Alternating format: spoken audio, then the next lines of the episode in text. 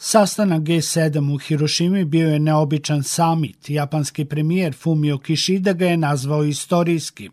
Bio je u znaku rata u Ukrajini, a baš u gradu koji je stradao od prve atomske bombe, grupa se obavezala na nuklearno razoružanje. Upravo na poziv domaćina, ukrajinski predsednik Volodimir Zelenski pojavio se na samitu u svom jedinstvenom maniru predsednika planete Zemlje, koji je usput svratio i do Džede, gde je svojim prisustvom počastio čak i lidere Arapske lige.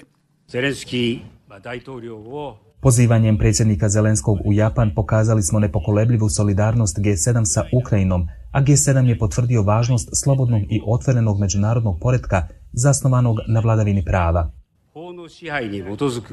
Osuđujući kineske vojne i ekonomske pretnje, američki predsjednik Joe Biden pokušao je uveriti Peking da grupa sedam najmoćnijih ne traži sukob, istovremeno upozoravajući Kinu da ne napada Tajvan.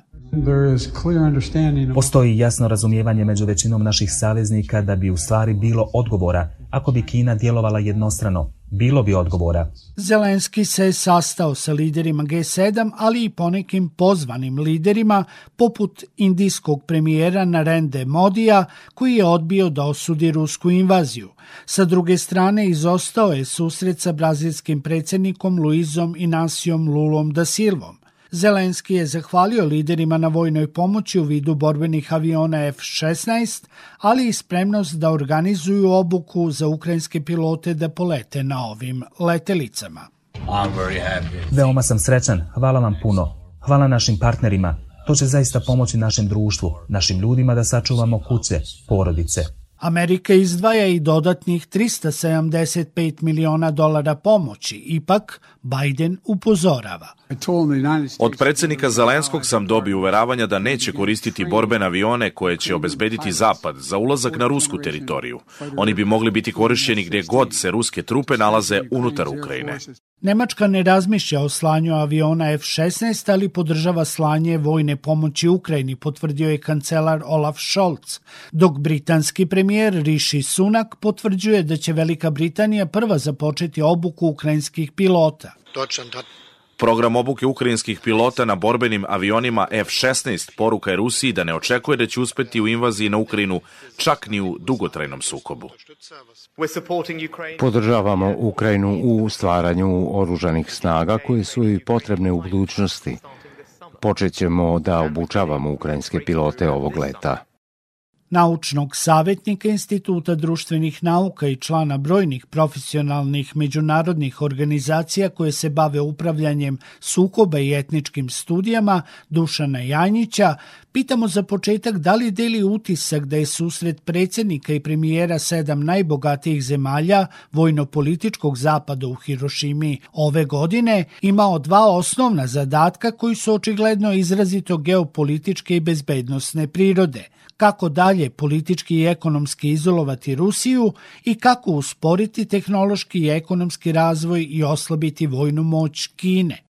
Pa, tačno je, ako pogledamo sastanak od prošle godine i onda sastanak G20, pa ako hoćemo i onu klimatsku konferenciju koju je pretprošle godine pravila Ujedinje nacija, a, ceo svet se nalazi u nekom previranju, traženju nekih novih a, rešenja za ovu globalnu krizu, pre svega krizu institucija kao su Ujedinjene nacije, OEPS i slično.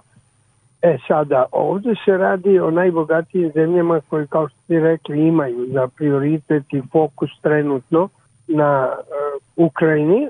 Mislim da je ove godine već jasnija kontura tog njihovog delovanja, tačno je da će to biti geopolitičko i bezbednostno, ali to će biti jedno ekonomsko potpuno novo raspoređivanje kad je u pitanju svet, a pre svega će imati konsekvence po Rusiju, Evropsku uniju i Kinu. A to je u stvari uvođenje Indije na velika vrata kao strateškog partnera Evropske unije, gde se zapravo pre, e, preseca e, taj kanal koji Kina e, obuhvata, što bi rekli, Zapad. I drugo, naravno, time se jača pozicija G7 u celoj centralnoj Aziji. To se indirektno tiče i Rusije. E, s druge strane, e, kad je Rusija u pitanju, ona je trenutno, što kaže, izvan kluba, to ne znači da ona potpuno isključena, ali je očigledno da će oni konsekventno držati e, Rusiju u što većoj mogućoj izolaciji i distanci, barem dok se ne razreši pitanje rata u Ukrajini. Janjića pitamo da li to znači da zemlje članice ovog ekskluzivnog kluba svetskih hegemona više nemaju potrebu da na ovakvim skupovima razgovaraju o globalnim problemima, pa čak ni o ekonomiji, ukoliko nije podređena geopolitičkom cilju slamanja Rusije i Kine. Koje nemaju gde da razgovaraju o svojoj geopolitici i strategiji. To više nije okvir NATO-a, to više nije okvir, nedovoljan okvir Evropske unije to nije sigurno okvir Ujedinih nacija i upravo je to glavna konsekvenca jer, jer to će najviše naj, biti najveća promena jer su Rusija i Kina koristile Ujedinjene nacije i stalno članstvu u Savetu bezbednosti. Međutim, pošto je no, a, ra, a, moć u novcu, taj novac očigledno je odlučio da postupa na način novca i prema Kini i prema Rusiji. Znači, Kina se usmerava na ozbiljnija tržišta, na veću konkurenciju, znači ne prekida se s njom saradnja, u ostalom to i predsjednik Kine rekao što pre što bolje odnosi sa Amerikom, da to je ekonomsko strateško partnerstvo, ali se blokira ono što je Kina razvila kao jedan pojas, jedan put, iza čega se zapravo krije također geopolitička infrastrukturna politika. A, Najmanje se krije ekonomski interes, E, tu se radi o jednom dugoročnom projektu Kine gde ona naravno i puno zarađuje, plasira svoj kapital, donekle se oslobađa od uticaja dolara, ali stavlja pod svoju mrežu preko kredita gradnjom infrastrukture a, mnoge zemlje pa i Srbiju i naravno tu imaš jedan problem, Kina nema energetiku. Ona kao energetski faktor, a to je najznačajnije savremenom svetu, ona sama potrebuje energiju i misle se tu računa na taj, da kažemo, životnu razliku u interesima Kine i Rusije. Naravno da Rusija ima interes da prodaje energetiku, energente i Kini, ali to je krajnja nužda jer dugoročna saradnja Rusije sa Kinom bi od Rusije napravila periferiju Kine. I to je što niko u Rusiji nikada, pa čak ni Putin ne bi dozvolili, ne bi preživeo.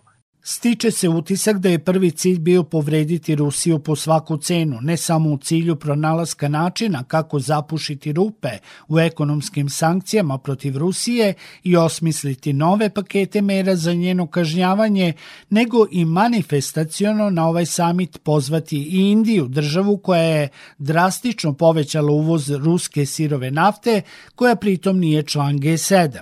Janjića pitamo kako tumači upravo tu činjenicu – Tako da mislim da je ovo sada postavljanje i na to treba fokusirati ovih sedam zemalja prema svetskoj politici, a onda i prema nama, na primjer. Evo, uzmimo Balkan, prvi put je na, pre neki dan na sastanku u Sofiji istupio predstavnik e, Centra za bezbednostne studije u ime Indije, e, jer ide preko pitanja NATO, sve kreće sa temom Ukrajina rat konsekvencija, u stvari iza toga se, kao ste rekli, vode ozbiljne rasprave i on jednostavno rekao, e, Evropska unija i Indija se moraju povezivati. Gospodo iz Evropske unije, a to je bio sastanak Evropskog parlamenta, komesari, mnogi i tako dalje, to je forum Evropska unija u susret Balkanu. Znači ne samo Zapadnom Balkanu. Znači kad smo mi u pitanju, mi treba ozbiljnije sada razmislimo ne samo odakle će dolaziti krediti, odakle će dolaziti energenti.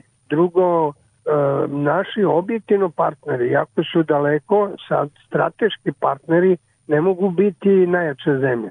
Kako su umislili ovi naslednici Titove politike nesvrstanosti u novom obliku, dakle, to su Južna Koreja, Indija, to su ti partneri s kojima već postoje veze i to su i oslonci za preuzimanje tehnologija zapada. Dakle, to je to kako ja vidim te promene sad na našim leđima. Janjića podsjećamo da je na samit doputovao i ukrajinski predsednik Volodimir Zelenski, te ga pitamo kako tumači njegovo prisustvo. A, to više sve više postaje simbol, a vremenom će postati značka, jer jednostavno e, Zapad e, a, se probudio tek u, su, u suočavanju sa ovim drugim a, e, intervencijom Rusije 2014 i počeo da uobličava, ono kao sam rekao na prethodnim sastancima, oni su govorili o potrebi. Kao što je nova Evropska komisija govorila još pre 7 godina da treba da razviju doba Merkelove, da razviju geopolitičku politiku. Nema je dan danas. Ali ove, ove zemlje su organizovanije.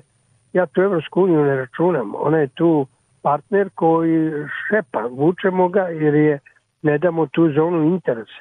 Dakle, pada utice. E sada, a, Zelenski se izdiže, izdiže iznad toga jer on je jednostavno simbol a, borbe protiv jeli, ratova, simbol borbe protiv Rusije i tačno je da se a, to kako se bude vodio rat i privodio kraju ratu u ovaj a, Ukrajini će određivati i sudbinu Ukrajine, tako da on može biti tragični junak. I Ukrajina a s druge strane i sudbinu Ruske federacije. I oni to znaju, ali koliko ja znam, niko ne podstiče e, to pojavljivanje služi da se olakšaju političke odluke za investiranje u Ukrajinu preko slanja oružja, a to slanje oružja i oružja ima još jednu dimenziju, oslobađaju se stari tehnologija.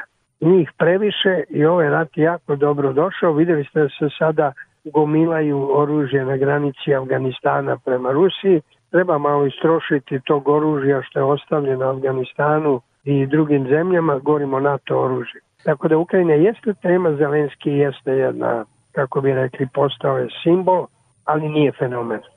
Predsjednik Sjedinjenih američkih država Joseph Biden je svojim saveznicima dozvolio da Kijevu isporuče borbene avione američke proizvodnje tipa F-16, uz obećanje da će Ukrajini biti upućena pomoć koliko joj treba, dok su, recimo, lideri G7 na ovom samitu za humanitarne krize širom sveta odvojile samo 21 milijardu dolara. Sektor Plus. Svet sa naslovnice.